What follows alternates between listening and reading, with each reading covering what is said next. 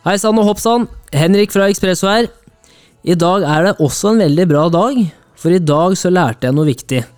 Og det er Det heter ikke 'ha en fin uke', det heter 'skap deg en fin uke'. I dag fikk jeg lov til å ta en prat med Øystein Pølsa Pettersen, en profesjonell skiløper og foredragsholder. Han har vunnet OL-gull, NM-sølv, sølv og bronse i World Cup, og i 2020 vant han andreplass på 71 grader nord. I dag så pratet vi om flere ting.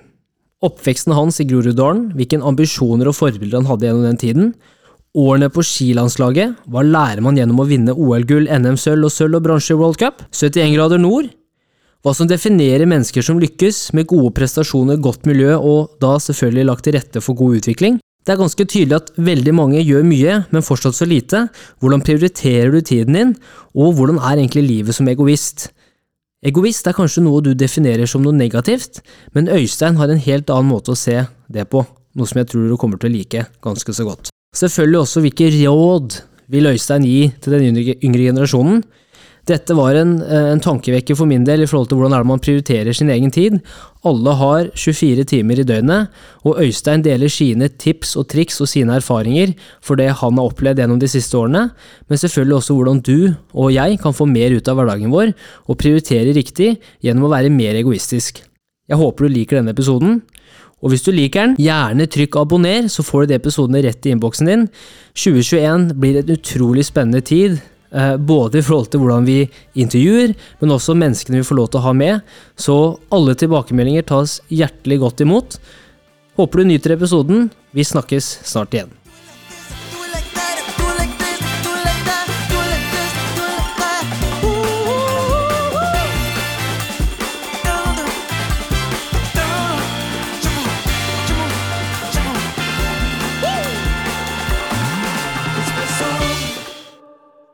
Hei sann, Øystein. God dagen. God dagen. Hvordan går det?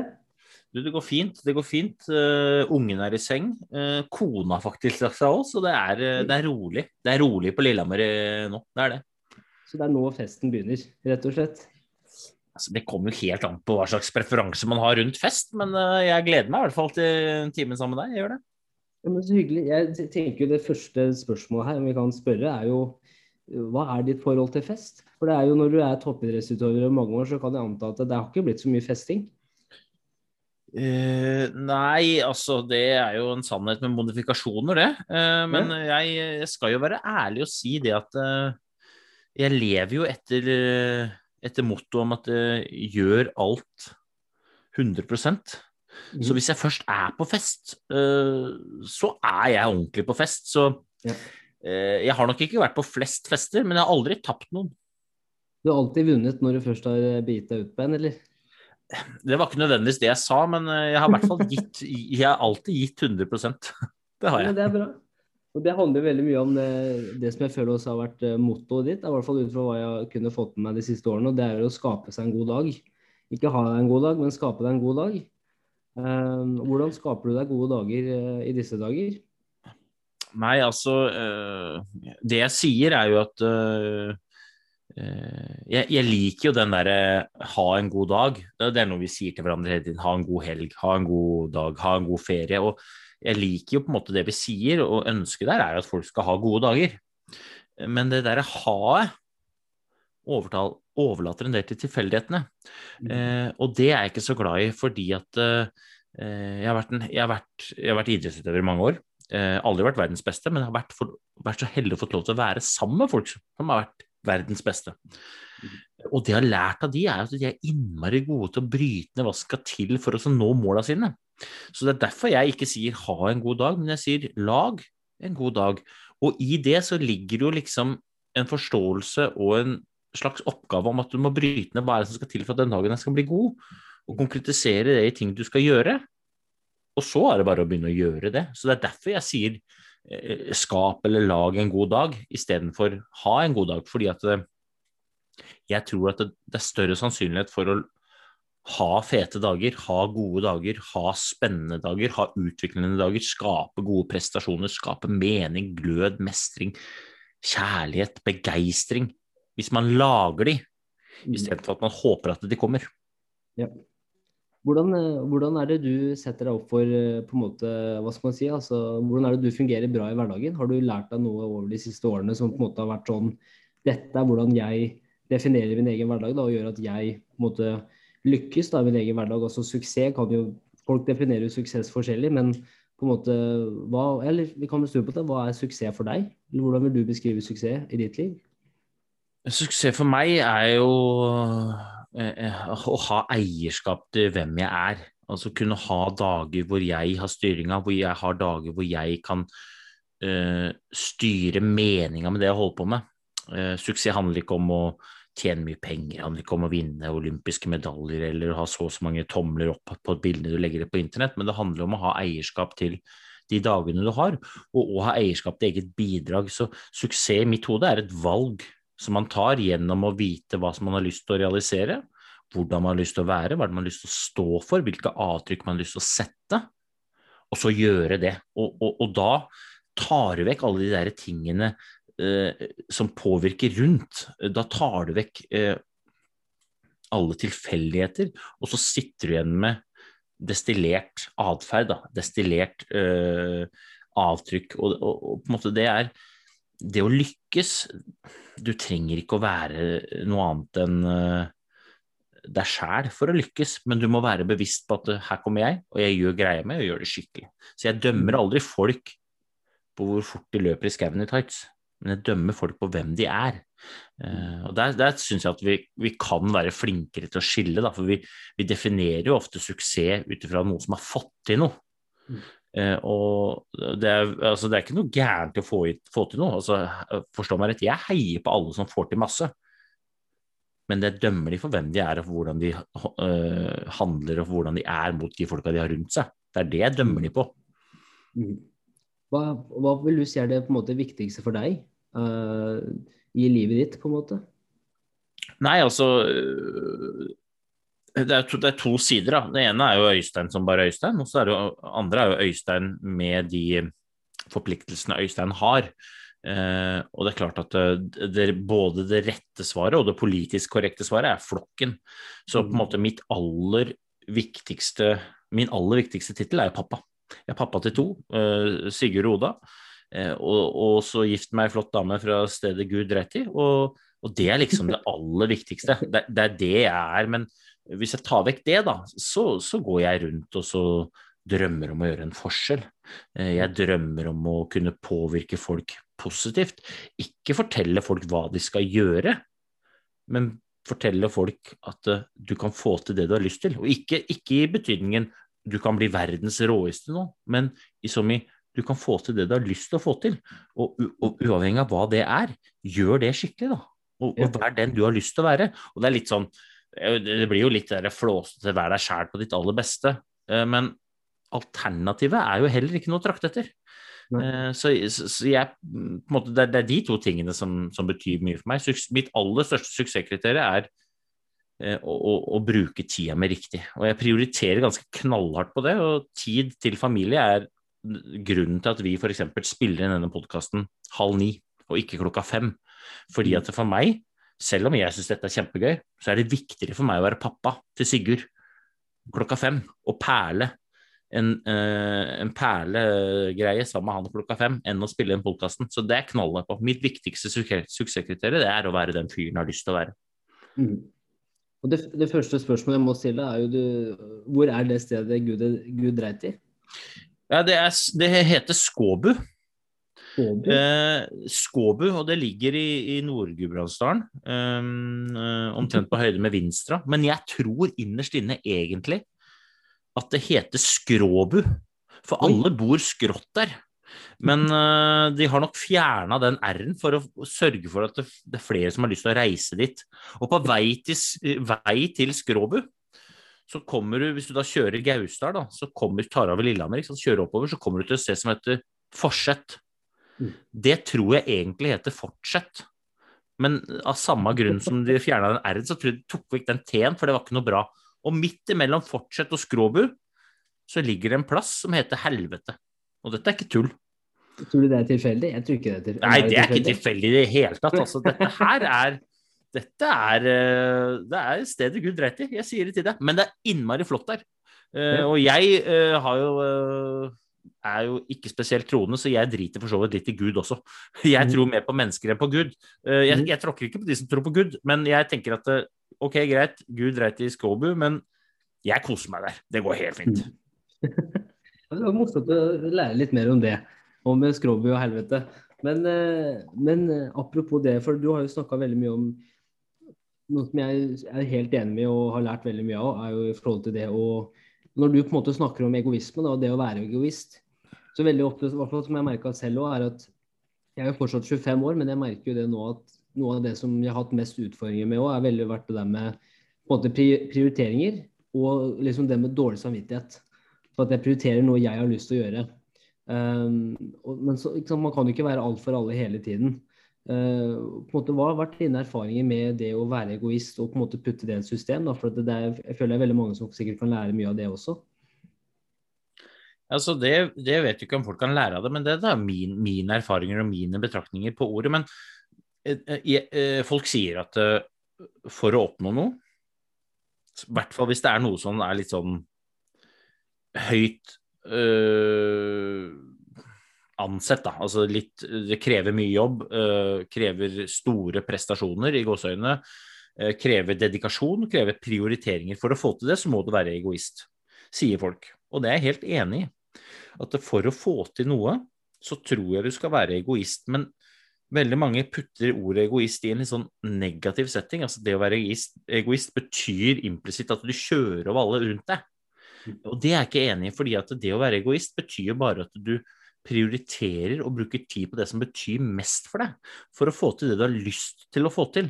Så hvis du gjør det du har lyst til, og det du har lyst til å skape, og du, du, tar eierskap til det og gjør det mye, og folk rundt deg føler seg tråkka på, så tror jeg ikke det er egoismen som er feil, men da tror jeg du skal ta en kikk ned i moralkompasset ditt. Jeg tror du skal ta en kikk ned på det du holder på med, og se om det er faktisk det du har lyst til. Eh, Så jeg hadde, jeg sa, En av mine suksesskriterier er tid til familie. Jeg prioriterer knallhardt tid til familie. Og på så måte er jeg egoist. Det er jo egoisten i meg som sier at eh, vi spiller inn den podkasten halv ni, ikke klokka fem, fordi at jeg prioriterer familien. Men jeg tror ikke at Sigurd som satt og perla med meg, syns at jeg er en drittsekk fordi at jeg prioriterte han.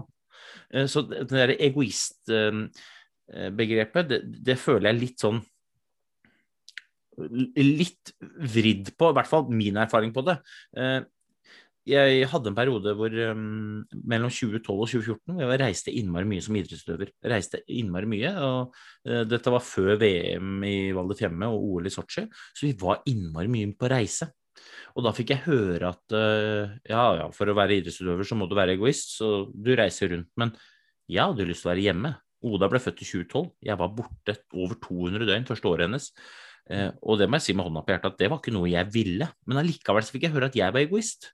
Men jeg gjorde jo det som ble forventa av meg, istedenfor det som var best for meg. Det som var forventa av meg, var at jeg skulle være med på tur med laget. Og jeg hadde ikke noe dårlig, dårlig tur, jeg, men jeg hadde mer lyst til å være hjemme, til stede sammen med Oda og til stede sammen med kona. Eh, Så jeg ble fortalt at jeg var egoist, men jeg gjorde ikke det som en egoist ville gjort, for han ville sagt dette er ikke for meg, det er noe annet som er viktigere for meg, og jeg hopper av, og så drar jeg hjem. Så det ble en sånn, Jeg ble gående og var sånn limbo, da, for uansett hvor jeg var, så hørte jeg ikke hjemme. Altså, jeg var aldri god nok, og det du sa i innledninga, var jo liksom Man kan ikke være alt for alle hele tiden. Nei. Altså, det, det, er, det, er jo, det er jo selve nerva i egoisme. At man skal ikke være alt for alle nesten noen gang. Man skal velge sine områder, og så skal man prioritere det knallhardt. Og alle andre som eventuelt har lyst til å ta en bit av kaka, ofte så må de vente. Ofte så må de si beklager, jeg har ikke kapasitet til, for jeg, jeg må bruke tida mi på de som betyr mer for meg enn det du presenterer akkurat nå. Og så vil det endre seg etter hvert som kontekst endrer seg, etter hvert som familiestrukturen endrer seg. Det vil hele tiden endre seg, men jeg tror det er viktig å ikke tenke at man skal gjøre alt hele tiden, men heller bruke mye tid på de få tingene man setter av. Eh, hvis jeg har lært noe da, av de folka jeg har vært sammen med altså, Jeg var eh, mange år i, i, i det som vi kaller for prestasjonskulturer, eller eh, vinnermiljø, eller vinnerlag. Og, og der var jeg heldig å være sammen med de råeste folka innenfor langrenn. da. mye bedre enn meg. De var innmari gode til å lykkes. Så vi skal liksom destillere et par ting som de er gode på, så er det blant annet å gjøre innmari mye av bitte litt. Altså de, de aller råeste folka, de gjør innmari mye av bitte litt. Og det bitte litt, det er konkret og direkte knytta til det målet de skal nå. Mens veldig mange andre gjør bitte litt av veldig mye. Og det fører til den der limboen. Du strekker ikke til og føler at du må være alt for alle hele tiden. Og i forhold til å skape det jeg brenner for, da. Gode miljøer, hverdagsglød, lyst til å stå opp og, og dra på, lyst til å stå opp og være litt ambisiøs og ha masse energi å bringe til bordet. Så tror jeg det er veldig mye bedre å være smalt retta på fokus og gjøre det skikkelig, enn det motsatte. Mhm. Når var det du, når var det du skjønte det? Når var det det, det lyset gikk opp for deg? på en måte? Ja, det er jo et kjempegodt spørsmål. Uh, for det er jo sånn at det blir liksom mange som bruker språklig bilde hamsterhjulet. Du er inni hamsterhjulet, du har ikke tid til å gå ut av hamsterhjulet og se hva er det som egentlig foregår her. Hva er det jeg holder på med? Uh, jeg ble kasta ut av hamsterhjulet. I 2014 så mista jeg plassen min på landslaget, og, og, og, og, fikk ikke lov til å være inne i hamsterhjulet lenger. Og det var jo egentlig på sett og vis jeg, når jeg holder foredrag nå, så, kaller jeg det for min korona. Min korona. Hverdagen var jo den samme, men jeg ble tvunget til å se på den på andre måter. Jeg ble tvunget til å se på hverdagen og hvordan jeg la opp dagen på en annen måte, fordi jeg ikke hadde samme eh, rammen å forholde meg til lenger. Eh, så, så, det skjedde i 2014, og da bestemte jeg meg for at jeg skal gjøre greier med skikkelig. Jeg er en idrettsgutt, jeg føler jeg har uforløst potensial, jeg har lyst til å gjøre det, men jeg skal gjøre det på min måte.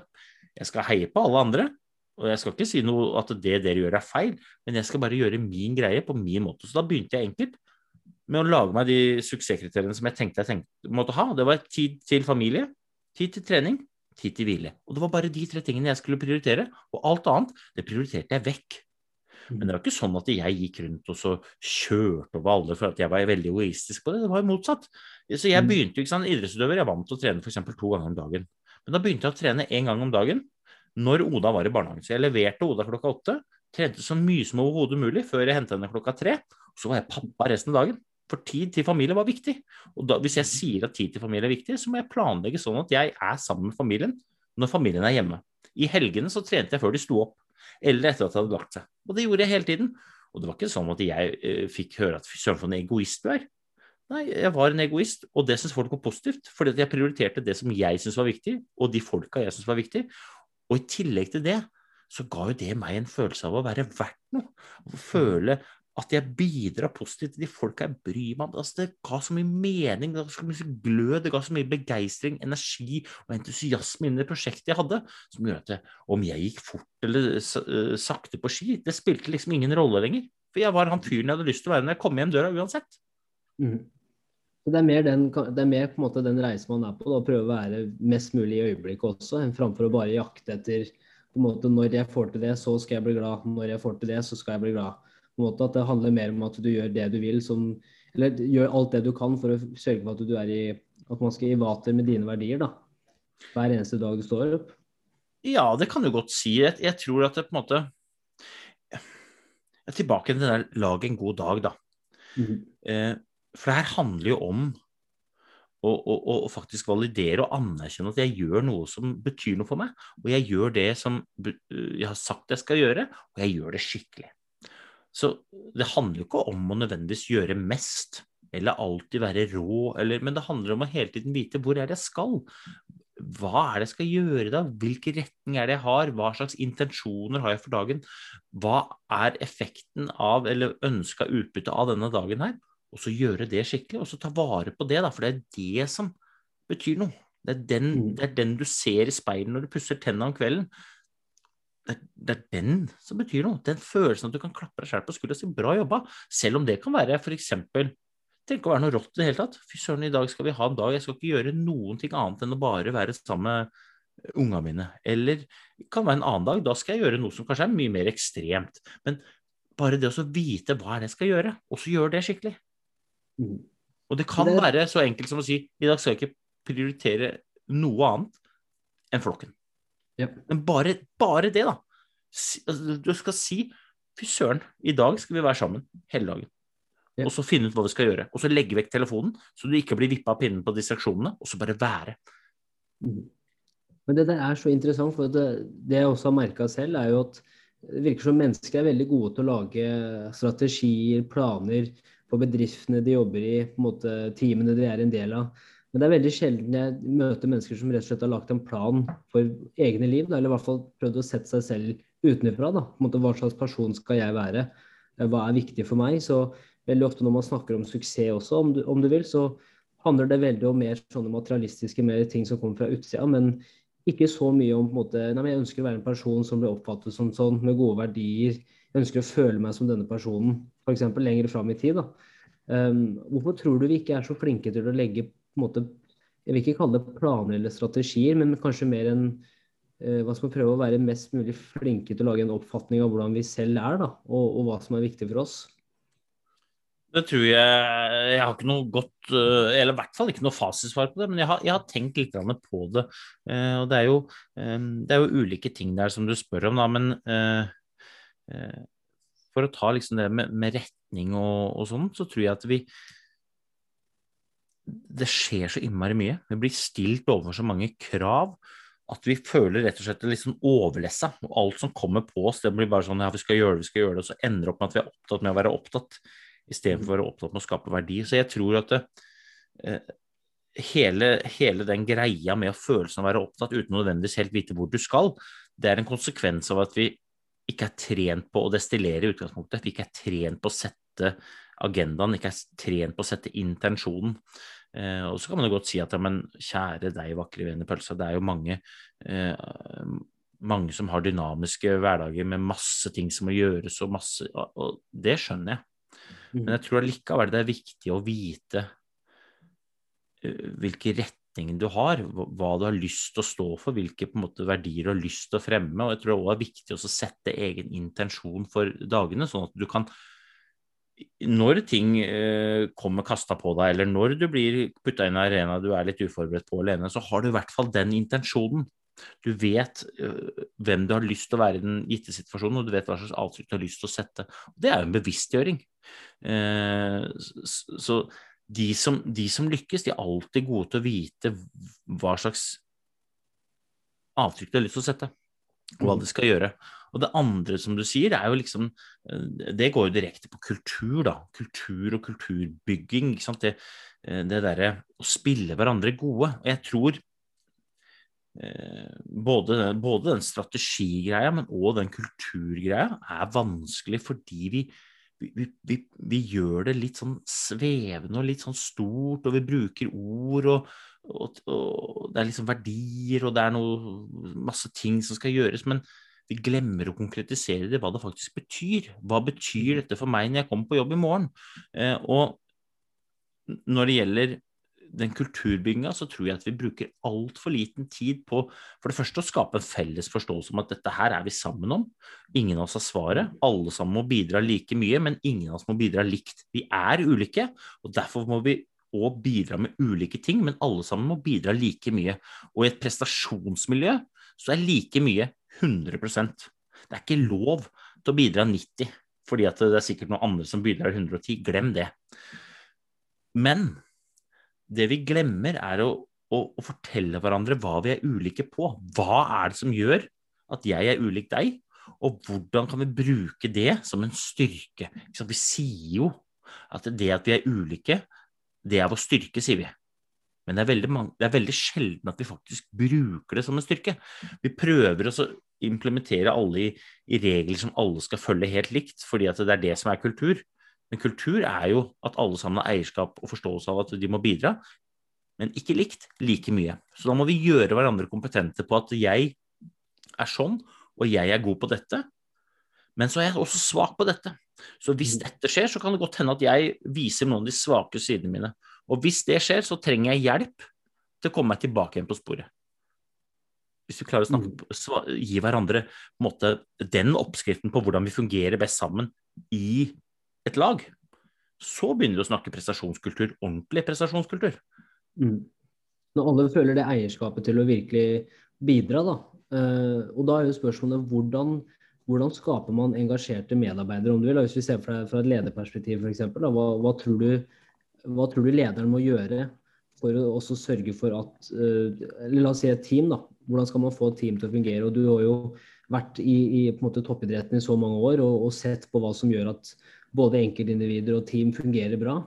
Uh, hva tror du, topp, hva tror du måte, næringslivet kan lære av disse toppidrettsutøverne, både når det kommer til som du sier da, gjøre de små tingene veldig bra, men også som et team. da, Gjøre det bra sammen. Jeg, jeg tror ikke nødvendigvis at uh, toppidretten er så innmari mye bedre enn uh, en næringslivet sånn i utgangspunktet, men det er klart at um, toppidretten skiller seg fra næringslivet på én vesentlig ting, og det er at de som sitter rundt bordet på et landslag, de har forståelsen av at det stilles visse krav til prestasjon. Altså liksom Kravet for at du må prestere høyt, er jo inngangsbilletten til å hele tatt få lov til å sitte rundt bordet. Så det sitter jo i ryggmargen i, hos mm. idrettsutøvere. Det er ikke alltid at det er like lett å, å, å få til i, i en bedrift, f.eks. Men min Min erfaring er at det beste måten å skape eierskap er jo gjennom å involvere. Og ikke involvere gjennom å si at vi skal skape det her eller det her eller det her resultatet, men gjennom å involvere og spille på folks følelser. Hvem er, det, hvem er du? Hvem er det du har lyst til å være? Hvordan har du lyst til å, å bli oppfatta? Hvordan er det du har lyst til å bli spilt god? Og hvilke utfordringer har du som vi bør vite om, sånn at når de sidene kommer, så kan vi spille deg god. Og hvem, hvem er det som har størst oppside av at kulturen er god? Jo, det er de som skaper kulturen. Det er de som går inn og ut av den døra hver eneste dag. Det er de som er en hvilken som helst bedrifts aller viktigste ressurs. Det er jo de som har den største oppsiden av at kulturen er sånn at folk faktisk gjør hverandre bedre. Eh, så eh, hvis jeg hadde vært leder, så hadde jeg bare satt meg ned rundt bordet og sagt dette her har ikke jeg svar på, men vi finner svaret sammen. Og da må vi finne ut hvordan er det vi har lyst til å ha det. Og vi kan godt ha masse fancy ord og verdier og tjo og hei. Men det betyr ingenting hvis ikke det er konkretisert ned på hvert enkelt individs nivå, sånn at vi faktisk forstår hva det betyr. Hvordan er det vi skal handle? Hvordan er det vi skal uh, være mot hverandre? Hva er det jeg har lyst til å uh, stå for? Hvordan er det jeg har lyst til å agere? Hva er akseptert atferd? Liksom, det er jo egentlig sunn fornuft, men mm. satt litt i system og på agendaen. Ja. Så når, når, du eh, på en måte la opp da i, i 2019, eh, ferdig da både med toppidretten, om du vil, og nå eh, og du, Gjennom da 2020 så brukte du mye av det året til å reise rundt i Norge, var det ikke det? Mye foredrag. Eh, og hvordan, hvordan, var den overgangen for deg? Uh, du, altså jeg ga meg jo på ski Jeg var jo heldig, da, for jeg ga meg på ski fordi at jeg følte at uh, uh, jeg hadde lyst til å gjøre noe annet som ga enda mer mening. Mm. Eh, jeg ga meg ikke på ski fordi jeg måtte, ikke fordi jeg var lei. Jeg er fortsatt en idrettsgutt. Går på ski så ofte jeg kan. Trener hver eneste dag. Eh, men jeg hadde lyst til å gjøre noe annet som ga mer mening, og kanskje kunne bidra til å gjøre en større forskjell. Jeg drømmer om å gå rundt og gjøre en forskjell. Jeg veit det høres flåsete ut, men jeg er ærlig på det at jeg har lyst til å bidra til at folk realiserer eget potensial. At folk er litt mer bevisst på hvordan de bruker egne ressurser, hvor de putter egen tid og hva de bruker egen mm, energi på. Eh, så, så, den overgangen har vært eh, veldig glidende, men det, eh, det har jo vært fordi at jeg valgte selv, og fordi at jeg kjenner, kjenner igjen mekanismene i, i, i, den hverdagen jeg har nå. Jeg bruker de samme nøklene nå som når jeg skulle bli en idrettsutøver eller måte, det var det viktigste i jobbsammenheng. Så, så, det har ikke vært noen sånn voldsom overgang, men det har vært et Det er jo veldig spennende. Så jeg er lidenskapelig opptatt av mennesker, prestasjoner og det å få mennesker til å prestere godt sammen. Og jeg har kjent kraften på god kultur. Jeg har kjent hva det gjør når folk som er ordentlig gode, går på jobb med ønske om å spille hverandre skikkelig gode. Altså, jeg har gått fra å være en gutt i en blokk i Groruddalen til å stå på start eh, for Norges store mesterskap. Og ikke fordi at jeg er noe fantastisk, men fordi at jeg har sammen med folk tatt eierskap til hvor vi har lyst til å komme igjen, og så har vi gjort det sammen. Så mm. det har ikke vært noen vanskelig overgang, og jeg kjenner igjen de samme følelsene, samme gløden og samme trøkket når jeg jobber nå, som, eh, som jeg jobba med, med gutta på, på lag i, når vi gikk på ski. Ja, apropos holdt jeg på å si Groruddalen og, og Linderud. Så du er født da 19.1.1983. Det klarte jeg å lese. Mm. Kan, du, kan, du, ta oss litt gjennom uh, hvordan var det, og for jeg, jeg skrev det ned her. Uh, blokkeverden, var det som du kalte det? Definerte den, den tida. Hvordan vil du beskrive oppveksten din? Nei, altså Jeg hadde verdens beste oppvekst, jeg. Eh, Groruddalen er jo kjent for mye, men det er ikke kjent for å være et eldorado for unger mellom disse blokkene. Men, men eh, det fine med blokkene i Groruddalen er jo ofte at det er liten plass inne, så folk er mye ute. Og det fine òg med Groruddalen er at det er veldig mye forskjellige mennesker der. Eh, som har helt ulike perspektiver på ting, og som har òg helt ulike preferanser og, og, og, og, utgangspunkt på det de ser, selv om de ser på det samme.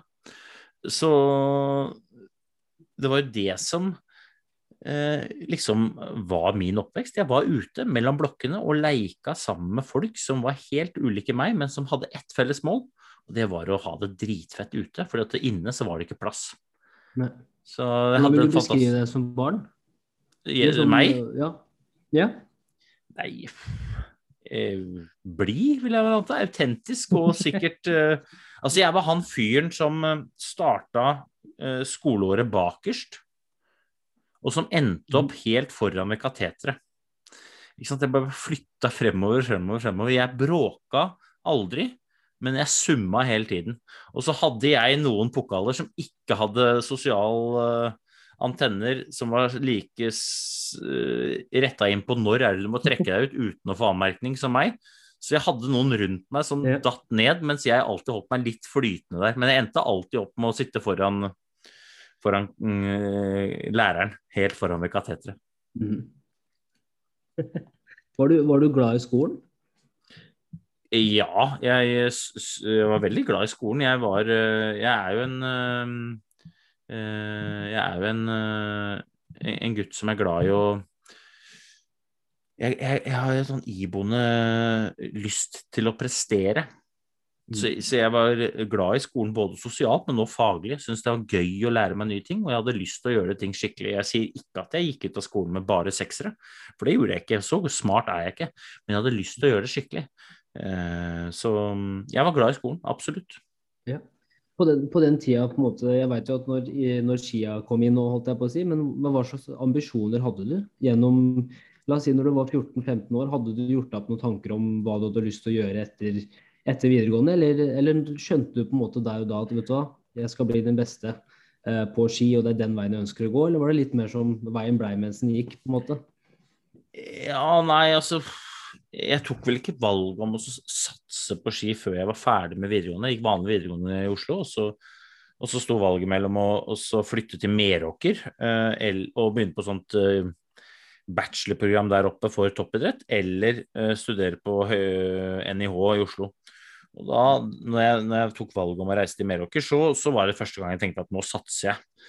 Men jeg har aldri gått rundt og tenkt at jeg skal bli verdens beste. Nå ble jeg heller aldri verdens beste, og det kan godt hende at det var grunnen til det. Men eh, jeg har alltid vært opptatt av å gjøre ting skikkelig. Jeg har alltid vært opptatt av å eh, måle meg sjæl på hvordan jeg gjør ting. Eh, og det er mange ganger jeg har vært kjempefornøyd med prestasjoner selv om jeg har vært ned på listen. For at, hvordan alle andre gjør det, det er ikke noe jeg får styrt. Og jeg gidder i hvert fall ikke å la meg påvirke av hvordan jeg føler meg. Hvis det er uh, tre andre i klassen som jogger fortere enn meg. Altså, det har ingenting med meg å gjøre. Jeg heier på de. Men hvis jeg gjør noe jeg syns er bra, basert på de forutsetningene jeg har selv gitt meg, så er jeg happy. Ja. Jeg, jeg tror det er en veldig god egenskap. Altså sånn, det å kunne på en måte Når man først skal sammenligne seg med noen, da, så sammenligner man seg med Skal jeg prøve å si det ordentlig? Når man prøver å sammenligne seg selv med noen, så sammenligner man seg selv med hvordan man var kanskje for en stund tilbake, kontra å sammenligne seg selv med andre mennesker. Uh, og det virker som også det er også en oppskrift på et lykkelig liv, hvis man kan si det sånn, i framfor å hele tida tenke etter hva samfunnet forventer av deg, hvor du egentlig burde vært, prestasjoner du egentlig burde hatt, osv. Ja, det er i hvert fall et, et, eh, oppskriften til et litt roligere liv i forhold til indre stress. Fordi at eh, er det noe jeg har lært meg gjennom idretten, så er det at du får ikke styrt hva alle andre holder på med. Altså, det er umulig å vite hva folk driver med. Men det du kan styre, det er dine egne prestasjoner. Det du kan styre, er dine egne tanker. Det du kan styre, er dine egne valg. Det du kan styre, er dine egne handlinger hele tiden. Og? Sånn er det jo hele tiden. Eh, hver eneste dag så stilles vi over en rekke valg. Og vi går enten venstre eller høyre. Jeg har alltid vært bevisst at jeg skal vite hvorfor jeg velger venstre eller høyre. Og det er ikke alltid at jeg velger den veien jeg vet er riktig. Det er mange ganger jeg velger høyre, men da er jeg, er jeg det bevisst. Ok, jeg, jeg, vet at det ikke er spesielt sunt å spise på Mækkern. Allikevel så velger jeg det noen ganger, og det er helt greit, men da er jeg det bevisst. Så den der bevisstheten rundt de valgene man tar, det er, det er summen av alle de valgene man tar, som blir på en måte det, det, man blir. Det er jo summen av alle de, alle de, tingene man gjør, som er den man er. Det er summen av alle de prestasjonene man gjør hver eneste dag, som blir resultatet. Uh, så når du ser folk som er veldig gode i noe, så er ikke det flaks. Det er bare fordi at de har gjort rette valg mange ganger, sannsynligvis over litt tid. Og det gjelder om det er i næringslivet, om det er i idretten, eller om det er i familielivet. Hvis du ser en god mor, mm. ikke kom og si til meg at det er flaks. For det er bevissthet rundt hvordan hun handler og agerer og takler situasjonene hele tiden, gjentatte ganger over tid. Mm. Hvordan kan folk bli mer bevisst i hverdagen? Altså fordi jeg, ser jo det selv Altså når, når, du har mye som skal gjøres, og, og, på en måte kalenderen fyller seg opp, så er det veldig fort gjort som det hamsterhjulet, som du sier. At du bare, sant, du bare, er på repeat, og du bare handler og handler og handler. Og så setter du det egentlig veldig sjelden ned og tenker over hva det egentlig gjorde i dag. Eller hva var det egentlig som var viktig for meg i dag. Har du, har du noen tanker om hva, hvordan folk kan komme seg ut av det hjulet noen ganger og bare tenke oi, i dag så skal jeg faktisk gjøre dette, og jeg skal gjøre dette fordi, f.eks. Ja, igjen, altså, da vil jeg jo koke det ned til liksom den derre Hva er det du har lyst til å få til, hva slags følelse har du lyst til å sitte hjemme? Og så òg kanskje være tydelig overfor omgivelsene sine om at dette her er det jeg skal gjøre, og det er det her jeg må prioritere. Så hvis jeg sier nei til det du kommer med, så er det fordi at det er ikke direkte relatert til det jeg har lyst til å skape. Og så skjønner jeg at igjen, på en arbeidsplass så er det ikke alltid at det er like sånn svart-hvitt uh, der, men jeg tror veldig mye handler om bevissthet. Veldig mm. mye handler om bevissthet på hva jeg skal bruke min tid på for å få til det jeg har lyst til å få til. Så det begynner med å vite uh, hva du har lyst til å få til, og hvor du er. Og så konkretisere det ned i handlinger, hva du må gjøre. Og allerede da så har du fylt opp ganske mye. Og det betyr at du må si nei til resten. Uh, og uh, det handler ikke om å liksom Dette er ikke noen konkurranse om å gjøre mest. Men det er jo en bevissthet rundt å få gjort mest mulig av det som faktisk bringer deg dit du har lyst til å komme. Og det er det som betyr noe. For det er ingen som bryr seg om du kommer hjem og føler deg som en våt ullsokk hver eneste dag. Det er ingen som bryr seg om det. Det folk bryr seg om, det er jo hvem du er, og hva du bidrar med, og hva du bringer til bordet. Og hvis du over tid brenner lunta i alle ender og føler deg som en våt ullsokk hele tiden, så ender du opp sliten. Og det er ingen som er slitne over tid, som bringer noe til bordet som mange har nytte av. Mm. Så Det handler jo om å være egoist rundt de tingene som betyr mest for seg selv, men det betyr ikke at du skal kjøre over alle andre. Det å være egoist betyr i mitt hode at du spiller de andre gode. Mm. Og så kan du godt si ja, hvis jeg ikke vet målet, f.eks. da.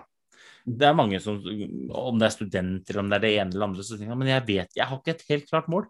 Og det er det mange som kan kjenne seg igjen i. Jeg er ikke helt sikker.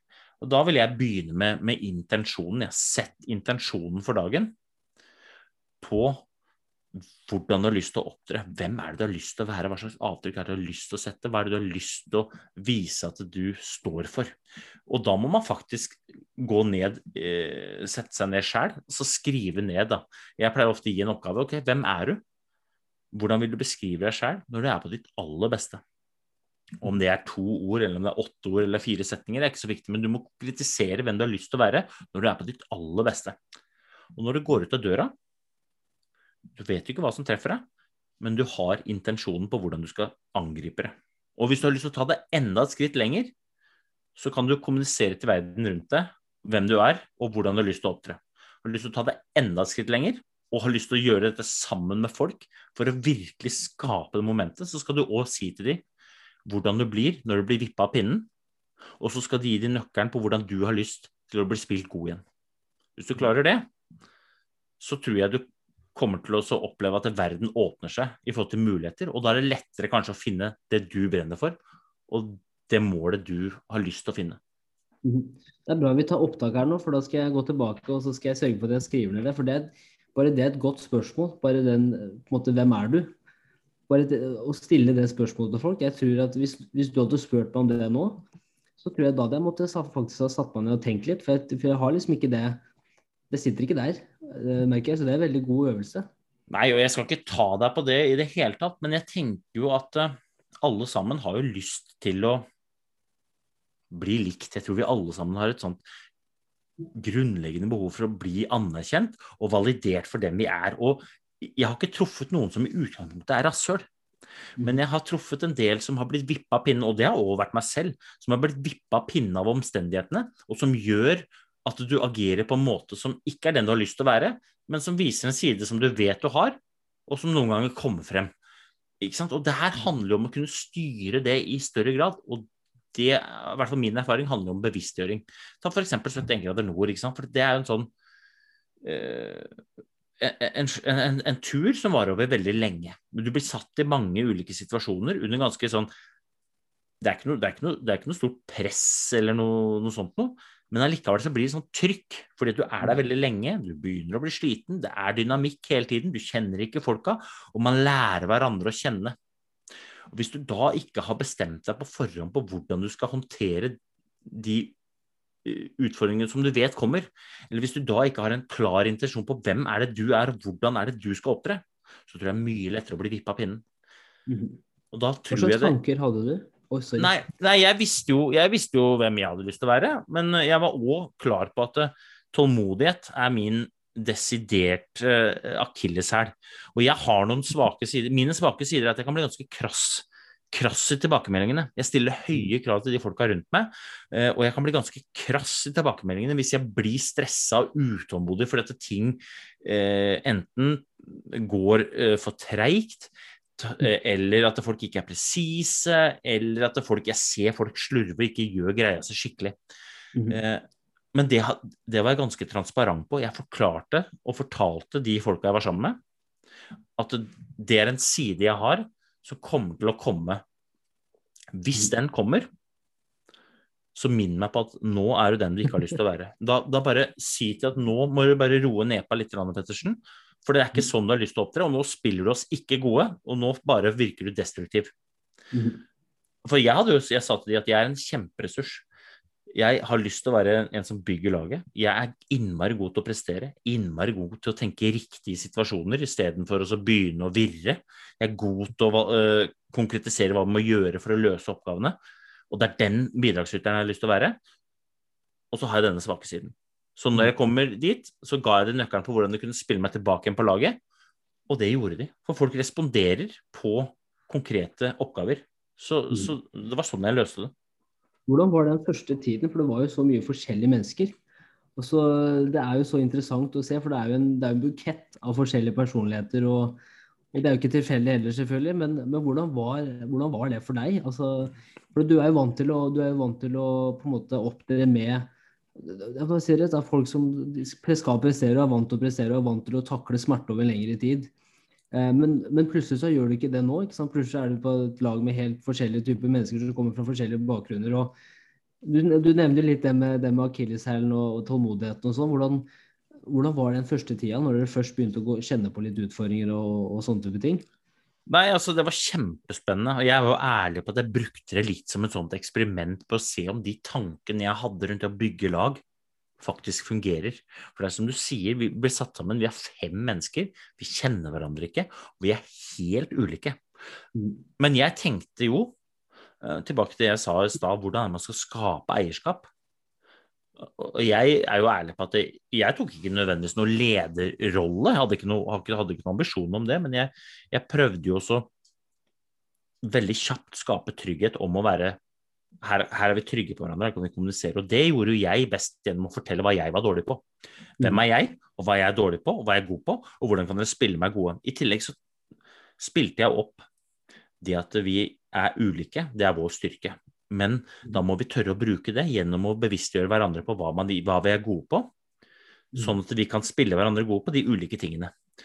Og så handler det om at alle sammen må bidra like mye. Ikke likt, alle trenger ikke å bære sekken sin sjæl, men alle må bidra like mye. Så jeg er god til å bære. Jeg kan bære masse, sånn at du kan gjøre noe annet, og jeg gjør mindre av det. Vi bidrar like mye, men ikke likt. Så det var en sånn kjempe kjempefin kontekst å trene på hvordan vi skal få ei gruppe som er helt ulikt, til å prestere innmari godt. Og vi, eh, altså 71 eh, grader nord er jo ikke nødvendigvis noe sånn voldsomt sånn prestasjonsprogram, men vi, vi presterte jo godt hele tiden. Eh, vi vant hver etappe. Vi var stort sett innmari blide når vi kom i mål. Og vi hadde våre, våre, uenigheter, men vi var gode til å rydde opp i de uenighetene med en eneste gang. Gjennom å kommunisere helt transparent. Mhm. Hvordan, for det, altså det vil jeg bare si med en gang. altså Når jeg så 71 år, så må jeg jo si at for det første, du er en maskin. Det tror jeg vi bare må si med en gang. Nå må du ikke rødme, altså, men det, du Nei. er jo en maskin. Du er jo, du er en maskin. Uh, uh, og det var jo også som du sa på 'Mesternes mester', at uh, kunnskapen setter seg i legga. Var det var det, var det et visdomsord, det. Visdomsord. men, men, da er det jo Det som jeg har lyst til å anerkjenne deg veldig for der, i hvert fall sånn som jeg så det, da var jo den ene hendelsen når dere skulle på en måte ro i gummibåter over en lengre periode. Og det var, det, var mye som skjedde. Og da vil jeg bare si på en måte måten hvordan du eh, si, tok vare på Maren da når hun var veldig ukomfortabel, og på en måte hennes skrekk for vann, på en måte. Og da gjør du jo akkurat det du sier nå, da gjorde du jo det i praksis. Hvor du på en måte fortalte om dette er det jeg er god på, dette er dine svakheter. Ikke sant? Noen, neste gang så gjør vi mer av det og mindre av det. Og hvordan, hvordan var det? Nei, altså det er jo et, eh, det er et innmari godt eksempel på hvordan et lag kan fungere godt sammen. Eh, du sier jo at jeg spiller Maren god, men det er jo ikke sånn. Det er motsatt. For Maren spiller meg god fordi at uh, tidligere på den etappen så, så padla vi over et uh, svært vann som heter Tinnsjø. Uh, og, og, Maren opplever dette som tøft. Og hun sitter og banner og sverter og klager og syter. Og det er jo ikke det Maren har lyst til å være. Hun har ikke meldt seg på for å sitte i den båten og sutre og skape dårlig stemning. Men det er det hun gjør. Jeg vet ikke hvorfor. Men det er jo min jobb da, og vår jobb som lag, å fortelle Maren at jeg vet ikke om dette er intensjonen din, men effekten av din atferd nå, når du sitter der og banner og sverter, er at vi andre surner. Så vi samla laget, og så sa jeg bare det. Jeg vet ikke om det her er intensjonen din, men det er det som skjer. Og så sier Maren ja, men jeg er redd, sier Maren. Ok, du er redd for vann. Det hadde ikke hun sagt. Men det var jo det hun ba om. Hun ba om hjelp. Men hun uttrykte det med å banne og sverte, og det var følelsen som løp løpsk. Mm. Så da visste jo vi ok, Maren er redd for vann. Så spurte jeg da eh, Maren ok, men hva kan vi gjøre for at du kommer deg over det vannet her best mulig? Nei, så sier Maren det hadde vært veldig ålreit hvis noen kunne padle foran meg. Mm. Da sier onkel P jeg kan godt padle foran deg. Onkel P var i ferd med å uh, liksom omtrent uh, skjære eh, to nautiske mil eh, øst fordi at han var drittlei sutringa til Maren. Men med en gang mm. han får en oppgave som kan gjøre at Maren blir spilt god, så gjør han med glede det. Og hva skjer da? Maren føler seg ivaretatt, og hun roser onkel fordi at onkel gjør det hun har behov for. Og onkel går best på skryt, som alle andre, så han gjør mer av det. Det fører til at vi tar igjen det andre laget, og stemninga er god. Og så, så, så dundrer vi nedover elva, og da vet jo jeg allerede at Maren er redd for vann. Så da er det veldig lett å ivareta Marens behov gjennom å passe på hun. Og når jeg ser at vi har kryssa grensa, og hun har pressa grensene sine så langt at hun ikke tør mer, så istedenfor at jeg skal stå der og være forbanna at vi tapte, så går jeg bare tilbake til Maren og sier vet du hva, du har jo vunnet allerede. Mm. For du sa jo for tre timer siden at du er redd for vann, og nå har du nettopp padla nedover en elv med litt stryk. Dette her er ikke noe kappløp mot de andre. Dette er jo en gruppe som skal kose seg på tur og prestere sammen. I dag vi vant. Glem det andre laget. Vi vant gjennom at du mm. spilte oss gode. Og ja. sånn, sånn jobba vi hele tiden. Jeg syns det er kjempegøy å høre. Og en annen, en annen person også som bare jeg føler utvikla seg skikkelig gjennom det programmet, var jo Onkel P. På en måte, ja, altså Det syns jeg var helt rått.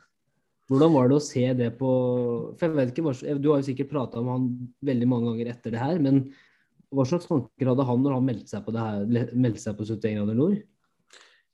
Nei, akkurat hva slags tanker han hadde, vet jeg ikke. Men det som, det som jeg opplever med, med Onkel P, syns jeg er veldig gøy rundt liksom dette med, med motivasjon. da. Eh, fordi at Onkel P ble jo bare mer og mer og mer motivert av å være på tur. Eh, og det handler ikke om at Onkel P syns det er så innmari gøy å gå over fjellet og spise nøtter fra en lomme på sekken, liksom. Men det handler jo om det faktumet av at motivasjon er noe man må skape. Inspirasjon, det kan man få. Jeg håper at jeg, eh, når jeg er på jobb eller når jeg treffer mennesker, inspirerer. Jeg har lyst til å inspirere.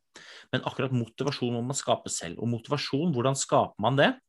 Og gjerne hverdagsmotivasjonen, hvordan man skaper det best mulig. Min erfaring er at det skapes gjennom å handle basert på de målene man setter seg. Gjennom å konkretisere de handlingene man gjør hver dag for å komme fra der man er, til dit man har lyst til å komme. Og Hvis du ser på Onkel P sin historie, da. Hva var det vi gjorde på 71 grader nord? Jo, vi sto opp hver dag og fikk et kart fra Tom Stiansen. Så kikka vi ned og fant vi hvor vi var, og så fikk vi koordinatene på hvor vi skulle. Og så brøyt vi ned hva som skulle til for å flytte oss fra A til B. Og så òg tok vi eierskap alle sammen i laget til at mitt bidrag teller. Det er ikke sånn at pølsa kan gjøre alt, eller Mia må gjøre alt, eller Atle, eller alle mm. sammen må bidra. Ikke likt, men like mye for at vi kommer oss fra A til B. Og så begynner vi å gjøre. Og hver gang vi handler basert på det som skal til for å komme dit vi har lyst til å komme, så skaper vi moment. Og moment det er jo følelsen av å være på vei. Det er følelsen av å jobbe mot noe som gir mening. Det er følelsen av å jobbe, gjøre noe, flytte seg og mestre.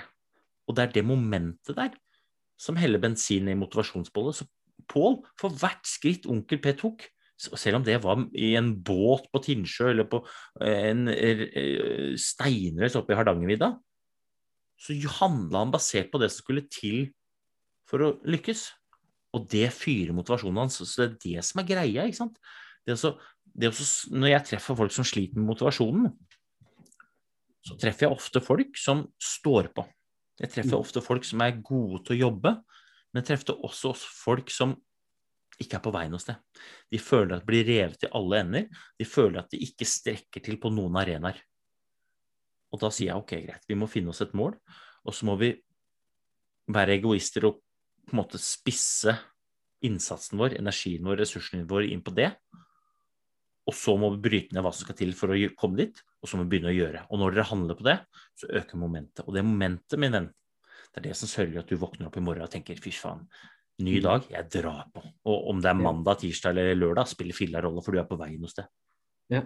Hva er, det, hva er, det, viktigste du tar med deg fra den serien? Altså, Hva, hva føler du er Med tanke på de tankene du hadde før du gikk inn der, og eh, på en måte etter du kom altså, til finalen, hva var på en måte når du, når du satt deg ned og fikk tenkt litt over den reisen du har vært på? For jeg vet ikke, Var det sju uker? Var det så lang, Hvor lange Vi var borte fem, fem uker, tenker jeg. Fem uker, noe sånt noe. Ja. Hva slags tanker hadde du eller hva, hva satt du igjen med? på en måte? Som de største lærerne? Jeg satt hjemme. også. det var jo, jeg er jo ærlig på at det er det råeste jeg har gjort noen gang. Mm. Og ikke fordi at vi var på mye kule turer, men fordi at jeg fikk lov til å jobbe sammen med så fantastiske mennesker. Men, men det, liksom, det er vanskelig å si akkurat hva som er det aller viktigste, men jeg har gjort veldig mange refleksjoner rundt det.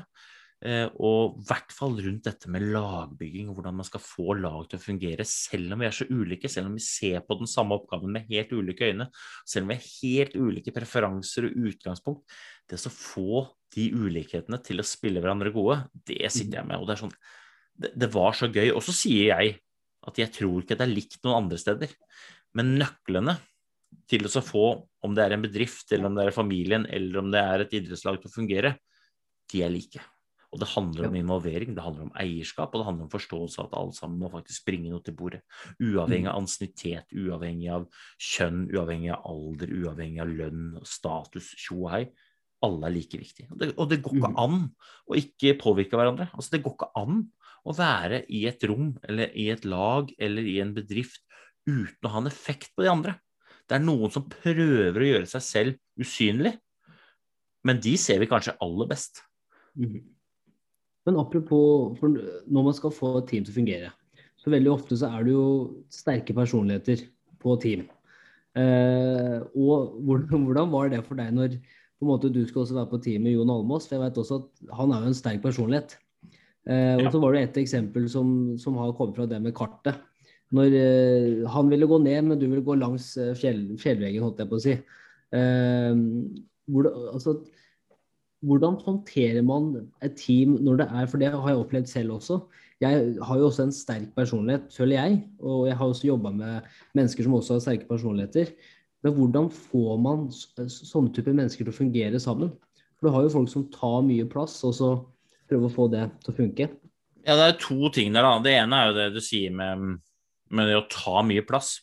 Ofte så er det mange som tar mye plass, og de som tar mye plass, de irriterer seg litt over de andre som ikke tar mer plass. Og de som ikke tar noe plass, de irriterer seg over at noen som tar mye plass. Eh, og hvor, hvor, hvor, gode er man til å stille de spørsmålene til hverandre? Hvor gode er man til å si at de, hvorfor kom, Jeg tar jo mye plass fordi du aldri er på banen. Eller ja, jeg tar ikke noe plass fordi du alltid tar hele banen. Hvor gode er vi til å ta den, den diskusjonen? Og så har du den situasjonen med Jon Almås. Eller, det var ikke sånn at jeg var uenig i veivalget, men eh, vi var uenige i måten vi skulle løse kartlesingsoppgaven på. Og det er jo et, et, klassisk eksempel på hvordan kommunikasjon påvirker alle negativt. For både jeg og Jon Almås opptrer som to treåringer, og det som skjer, er jo at begge går inn i en slags martyrrolle, hvor vi sier det vi, det, vi, det vi, egentlig sier til hverandre, er at jeg syns det er innmari rart at ikke du vet hva jeg har behov for, og hva jeg føler, men jeg gidder ikke å si det til, meg, eh, si det til deg. Jeg bare kommuniserer med hele meg at jeg syns du er en løk. Og, og, og, det er jo sånn vi går og kommuniserer med hverandre, begge veier. Og begge er like mm. dårlige. Men det som skjer, er jo Altså, intensjonen er jo lik. Vi skal slå Tom Stiansen et kappløp. Effekten er at Jon Almaas går foran og syns jeg er en idiot. Jeg går bakerst og syns Jon er en idiot. Og de tre andre på laget prøver å gjøre seg selv usynlige. Altså mm. Atle Pettersen, Mia Hundvin og Erik Follestad prøver å gjøre seg selv helt transparente og mm. usynlige. Men det går ikke. Så det, før, intensjonen var at vi skulle vinne. Effekten var at alle sammen gikk og syntes at det var skikkelig dårlig stemning. Ja. Og, og det der er jo et eksempel tatt ut av kontekst. Men jeg tror mange kjenner seg igjen i det. Jeg tror mange ja. reiser hjem fra jobb og føler seg misforstått. Jeg tror mange reiser hjem fra jobb og irriterer seg over de andre. Og så glemmer vi at det, vi må jo kommunisere med hverandre.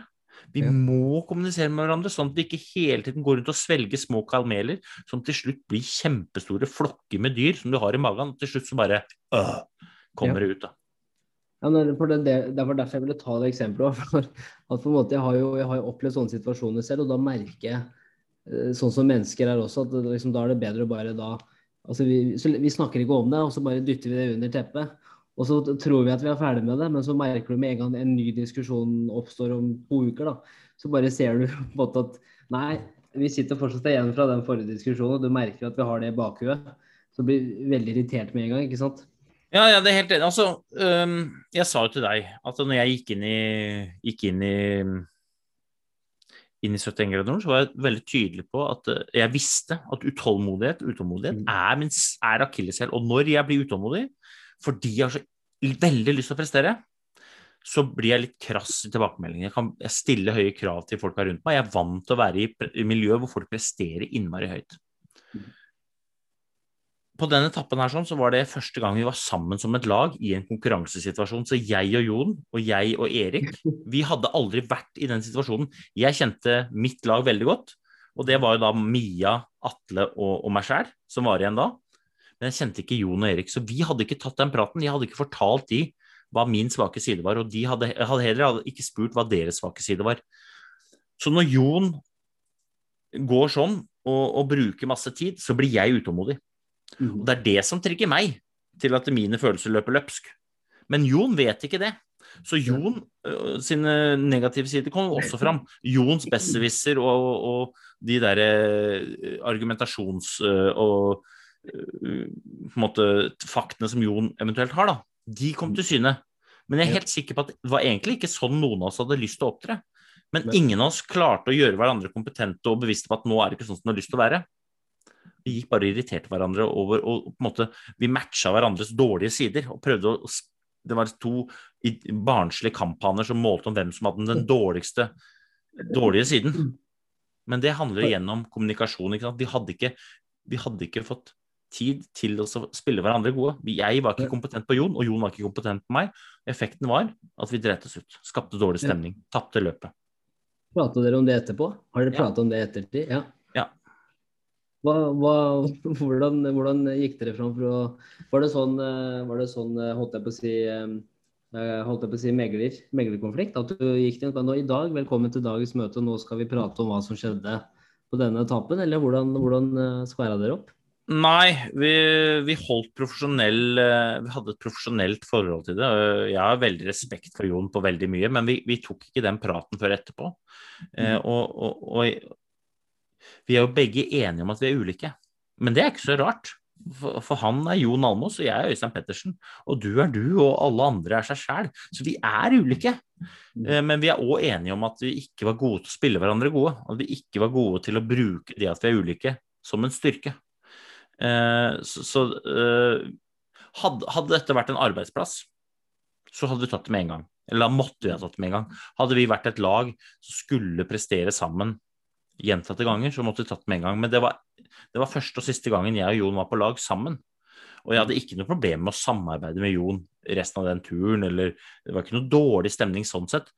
Men det er de små kamelene der sånn. Jeg og Jon spiste begge en kamel den dagen. Det er de små kamelene som til slutt bidrar til at miljøet eventuelt er litt dårlig. Det er ikke noen som har lyst til å gå rundt og spise kameler hele tiden. Nei. Men særlig det du sier der med bare det å ha en åpen dialog også, og det å på en måte tørre å ta den praten. da. Men da handler det også, jeg tenker jeg også på en arbeidsplass. Veldig ofte så handler det også det med en tillit til personer man, man møter underveis. og da, Det du sier innledningsvis der, syns jeg er skikkelig bra det i forhold til at man må ta den praten. Med, med både med Almås og, og Follestad. At man tar den praten om dette er sånn jeg er, dette er sånn jeg fungerer i team, dette er, måte, dette er kanskje mine svakheter. da. Og tørre å vise de og, og blotte de foran foran, foran et lag. Da. Um, ja. ja, og det handler om trygghet, men samtidig så Altså Hvorfor er det eventuelt uttrykket å si sånne ting? Jeg tror det handler om at vi tror at alle andre er så innmari gode. At alle andre er helt feilfrie. At alle andre har alle svarene hele tiden. Jeg opplever at de gangene jeg viser at jeg ikke har alle svarene, de gangene jeg viser at jeg er bare ute etter å skape mest mulig positiv dynamikk, mest mulig moment, mest mulig energi til bordet, mest mulig framtidsretta samarbeid. Mm. Men ikke har svarene, men åpner opp for dialog rundt involvering, så, så, får jeg masse tilbake igjen. Så jeg tror det der dreier seg om at vi må, vi må begynne helt på bånn gjennom å si hvem er vi? Hvor, hvordan er det vi har lyst til å bli spilt gode, og hva er våre svake sider? og Hvordan kan vi bli spilt gode hvis vi blir vippa ut på pinnen av utfordringer? Og vi blir vippa av pinnen. Mm. Det, er, eh, det skjer hele tiden. Men det handler om hvordan vi kan bruke hverandre så vi kan bli spilt fortest mulig inn igjen og lære av det. Ja. Og, og, og, det handler ikke om ikke sant, det å være den beste utgaven av seg sjæl. Det handler ikke om å være helt feilfri. Glem det. Men det handler om å gjøre omgivelsene uh, bevisst på hvordan du har lyst til å opptre, men òg hvordan du kan få gjemt unna de svake sidene mest mulig, sånn at når du kommer i en situasjon hvor du kan bli vippa pinnen, så kan laget rundt stå som en ring og si 'dette fikser vi'. Ta eksempelet med Maren igjen. da. Neste gang vi kom til et vann Vi visste at Maren var redd for vann. Og da var det veldig lett å spille Hugo. Da var det lett å si 'Maren, jeg padler rett foran deg'. Dette går innmari bra. Den båten er sånn og sånn og sånn. Dette er ikke noe stress. Vi får til dette. Og så, da, da, vil hun føle seg ivaretatt. Og så er det hennes jobb å skryte av vår atferd konkret. Jeg setter veldig pris på at dere spiller meg god her nå, og at dere gjør sånn og sånn og sånn. Og så gjør vi mer av det. Istedenfor at vi skal gå rundt og lure på hele tiden. Ja. Jeg kan tenke Det er jo også syretrening. Og, og i syretrening å på en måte oppfatte seg selv utenfra når man er med på et sånt program hvor man har kameraer på seg hele tiden. Uh, ja, samtidig som det er på en måte umulig å spille et spill det er fem uker ikke sant? med 24-7 kamera på. Mm. Uh, men jeg tror det, det, er veldig stor forskjell på å gå inn i sånt program med en klar intensjon på hvem du er, og hvem du har lyst til å være, og hvordan du har lyst til å fremstå. Ikke fordi at du skal være noe flåsete, men fordi at du har lyst til å være deg sjæl på det beste. Mm. Og på å bare melde seg på og se hva som skjer. For hvis du melder deg på, ser hva som skjer, så kan det godt hende at uh, blodsukkeret synker, og at du blir forbanna, eller at det, no, no, folk eh, kommer litt seint, eller at TV-crewet bruker masse tid på noe som du syns er helt håpløst, og så blir du bare vippa av pinnen, styrt av følelsessenteret, og så viser du en helt annen side enn det du har lyst til å vise. Mm. Sånn avslutningsvis nå, Øystein, så, så, ser jeg på tida her, og jeg skal ikke ta hele kvelden din, men det jeg har lyst til å spørre deg om, er For jeg er jo en, jeg er jo en kar på 25 år. Og jeg ser jo opp til sånne folk som deg, og det er både i forhold til hva du har gjort på holdt jeg på å si, idrettsbana, som toppidrettsutøver og skiutøver, men også hvordan du er som person. Og da har jeg et spørsmål til deg. Hva slags, måte, hva det, Gjennom hva du har lært i livet, hva slags råd eller uh, erfaringer har du lyst til å dele med, med folk på min alder, f.eks.? De som uh, har veldig lyst til å oppnå noe og gjøre en endring, da, som du også sier. Hvor, hvor, begynner man? Eller har du noen råd? Ja, jeg vil jo begynne med, med eierskap, jeg, da. Mm. Altså uh, Begynn med eierskap. Og, og, hvorfor sier jeg det? Jo, fordi at det er så altfor mange som er litt for konsekvens av omgivelsene, som er litt for Eh, er litt for opptatt med å løpe inn i det hamsterhjulet, og som glemmer at det, jeg, hvilke hamsterhjul er det jeg løper i, og hvor er det jeg har lyst til å løpe, hvilken retning er det jeg har lyst til å dra dette her. Så jeg ville begynne med eierskapet og, og, og, og forståelsen at det, det, er faktisk mulig å nå akkurat dit man vil. Men jeg sier ikke nå akkurat dit hvor du vil, som i du må bli noe som er veldig veldig, veldig bra, eller du må bli president, eller du må vinne olympisk gull, men finn ut hva du har lyst til, og gjør det skikkelig. Suksess det måles ikke i antall penger, måles ikke i status, måler ikke antall tomler opp på et bilde. Det måler i måler, i hvert fall jeg, måler det i de folka som har eierskap til egen hverdag, og som gjør det de har lyst til å gjøre, på en skikkelig måte, og som bidrar positivt til de folka som de har rundt seg. Så jeg vil begynne med eierskap. Og hvis du er usikker på hva du har lyst til å oppnå, sett intensjonen din. Sett intensjonen din for hvordan du har lyst til å agere, hvordan du har lyst til å bidra, hva du har lyst til å stå for, hvilke verdier og hvilke holdninger du har lyst til å vise. Og så starter du hver dag, og alle har det foran i panna. Uansett hvilken arena du entrer, så har du det foran i panna. Det, det er mitt klare råd. Og så kommer veien til å bli helt rå, den. Det er mange som sier at veien blir til hvis man går. Jeg sier eller mens man går. Jeg sier at veien blir til hvis man går. Altså, du må tørre å ta det første skrittet. Nå må du kaste frykt for å mislykkes og forfengelighet og jantelov og alt det andre er på båten, og så må du bare være. Og så vær transparent. Trenger ikke å være perfekt, for det er det ingen som er. Det er mottatt og notert. Det skal jeg notere med en gang. Det var bra jeg tok opptak her. Eh, og til slutt, hvor er det folk kan finne deg på, på, nettet, hvis de har lyst til å følge mer av eh, det du gjør i hverdagen og det du deler? Du, jeg, eh, som alle andre, er jo aktiv på Instagram. Der heter jeg vel eh, Pettersen Øystein eller Øystein Pettersen. Også, men der deler jeg litt sånn hverdagslivet. Men jeg, jeg, jeg, bruker LinkedIn ganske ofte. Jeg bruker mm. LinkedIn til å, å, dele tanker og refleksjoner og stille spørsmål til de folka jeg har rundt meg på, på LinkedIn. Så eh, hvis du er interessert i de, de, mekanismene som jeg prater om her, så vil jeg anbefale en tur innom LinkedIn, da, hvis du har likt det. Eh, og hvis du ikke har likt det, så vil jeg kanskje òg Da håper jeg at du tar og eh, rekker ut en arm og sier at jeg er helt uenig. For eh, jeg er jo ærlig på at jeg ser bare ting fra min tue. Men det kan godt hende at noen sitter på den andre siden av denne tua og ser noe helt annet på den samme tingen. Så det er spennende. Nei, helt, helt fantastisk. Øystein. Jeg vil bare si at jeg setter veldig stor pris på at du har eh, tatt en prat med meg på mandagskveld. Uh, hvordan har det vært for deg? Du sa at du ønsket å ta den praten med meg for at du kanskje kunne lære noe. Har du lært noe nytt? Er det lov å spørre om det? Ja, altså jeg eh, Hver eneste gang man diskuterer ting som er spennende, så lærer man noe nytt. Jeg syns det er veldig gøy å du stiller jo spørsmål som Jeg har jo aldri hørt spørsmålene før, men jeg har jo tenkt masse på tematikken. Hver gang man får et spørsmål fra en litt annen vinkel, så tenker man hm, ja, det var fornuftig. Hm.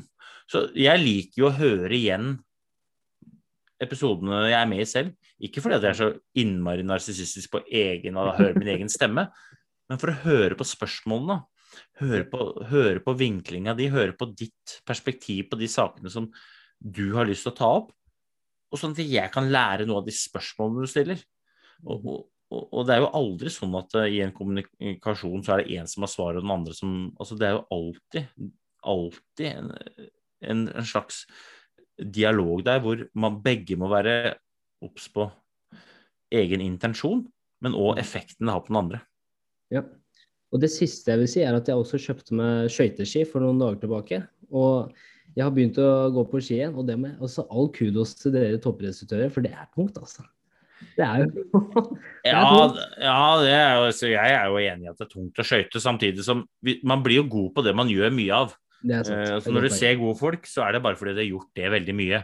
Eh, men, men det er sånn, jeg kan jo si med hånda på hjertet at jeg, hvis jeg er uh, en hel dag på et kontor, så skal du være rimelig gammel før du får det setet på bussen hjem, for der må jeg sitte og hvile. Så det er bare et resultat av at folk har gjort det mye. Ikke tenk på det et Ja. sekund. Ja, men Det er et veldig godt poeng. og det, det skal sies at Jeg har bare stått på ski, eller gått på ski fire ganger siden jeg kjøpte de, så det, jeg tror veien er lys. Og fortsette å jobbe hardt. Dette skal trenger ikke å jobbe så hardt heller, men hvis du bare uh, Igjen, da, liksom, hva skal til for at det blir bedre til å skøyte? Da vil jeg anbefale å skøyte litt. Så det kommer til å gå bra, det. Herlig. Da har jeg både inspirasjon og motivasjon i bagasjen før Ja, jeg går ut fint. på neste tur. Det er fint. Øystein, tusen hjertelig takk. Og uh, igjen, jeg håper ikke dette blir siste praten, og så håper jeg du får en uh, fin kveld. Takk i like måte. Jeg sier jo lag en god kveld, jeg, da. Yes, jeg skal lage en god kveld. Nå tror jeg jeg skal skjenke opp et glass med Pepsi Max her, så blir det en veldig bra kveld. altså. Det unner jeg deg. Kos deg. Takk for praten.